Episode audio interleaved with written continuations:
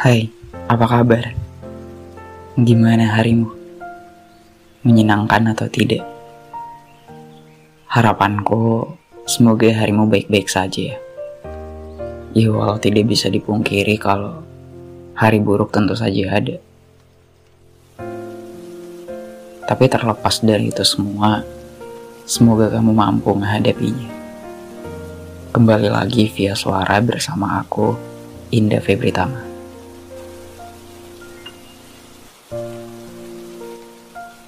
Kali ini aku mencoba untuk membawakan topik perihal kehidupan.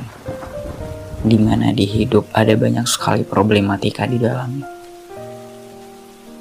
Dan sebelum mulai, cari posisi ternyaman untuk mendengarkan karena aku rasa ini akan lebih panjang dari biasanya.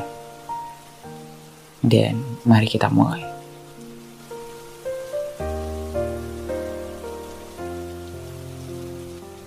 Suatu waktu, seseorang akan sampai pada masa di mana ada banyak sekali hal yang jadi pertimbangan dalam kepalanya.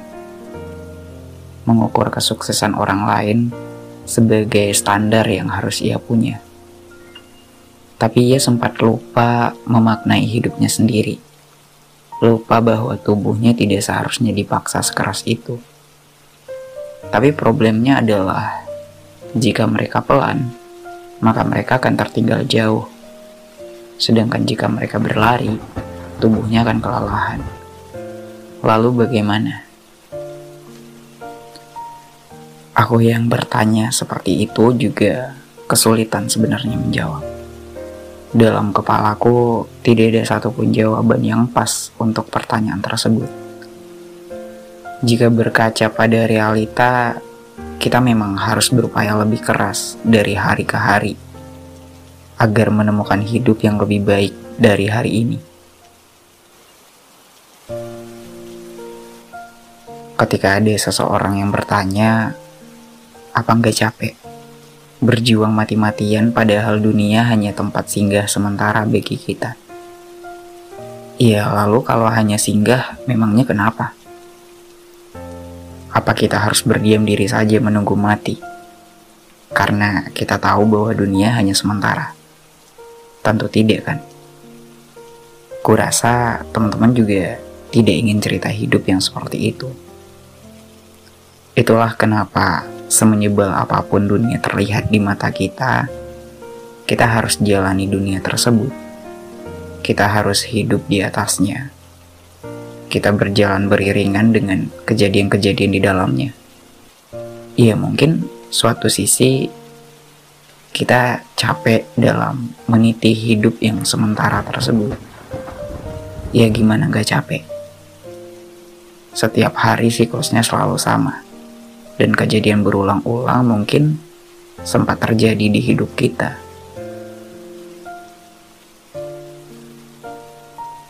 Nggak cuma kita, bahkan robot pun bisa kehabisan daya. Maka tentu kita juga bisa kehabisan tenaga. Dan itulah kenapa banyak orang yang gagal memaknai hidup mereka. Gagal menemukan tujuan mereka berjuang dan salah paham pada kejadian yang menimpa hidupnya. Ya itu wajar saja, karena mungkin masih sedikit waktu yang mereka habiskan di atas dunia. Aku pun juga belum bisa katakan kalau makna hidup sudah ketemukan dengan jawaban yang paling pas. Tujuan hidupku juga masih samar-samar, walau sedikit sudah ku ketahui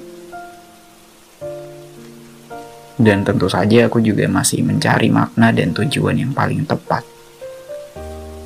Jawaban dariku mungkin akan ada di akhir kehidupanku nanti. Dan itu semua akan menjawab semua tanya yang sekarang-sekarang ini belum terjawab.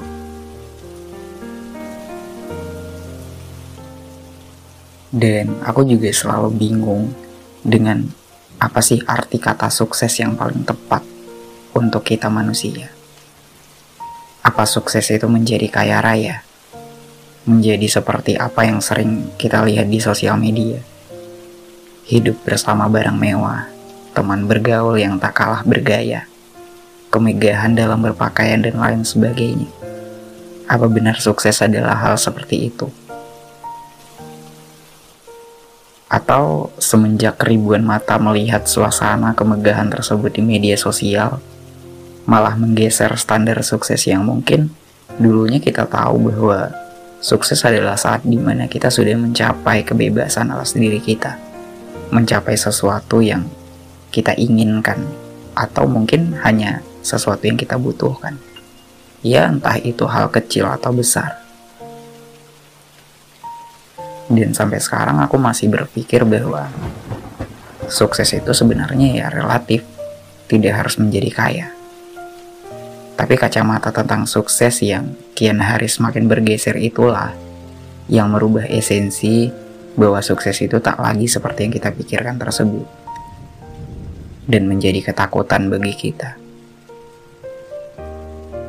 membuat kita berusaha lebih keras agar terlihat sama di kacamata sukses seperti di media sosial tersebut. Tapi tidak ada yang salah dengan itu.